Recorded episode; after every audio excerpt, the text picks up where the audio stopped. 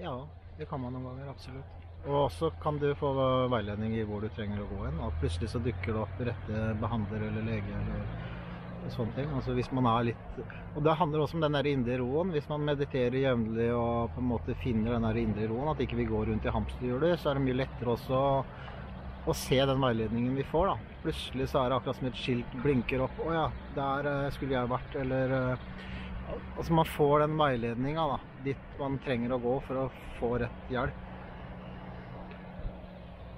Men, at det også, men kan de også, hvis jeg har vondt i hodet, da, kan jeg si kjære hjelpere, hadde dere giddet hjelpe meg med den hodepinen?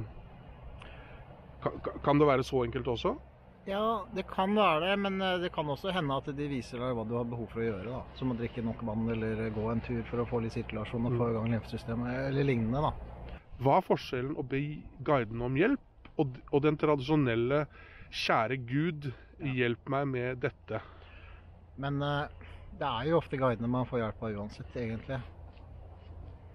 Eh, jeg tror ikke det, spør, det spiller så stor rolle hvem man spør om hjelp, bare at man er åpen og mottagelig for hjelp da, og ber om hjelp, egentlig. Men man kan også be seg sjøl om hjelp, altså sitt høyere selv om hjelp, eller sitt indre guide, eller sånne ting. Absolutt.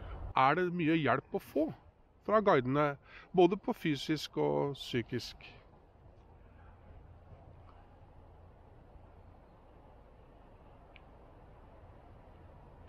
Jeg opplever vel ofte at de veileder oss i rett retning, mer enn kanskje at de fikser problemer for oss.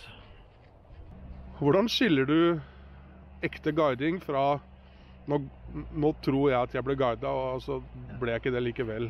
Hvis man er, eh, hvis man er godt i, i balanse inni seg sjøl, så bare merker man det. Hvis man er full av stress og kaos og tror man blir guida, så kan man jo se det overalt. Og blir bare mer forvirra på en måte.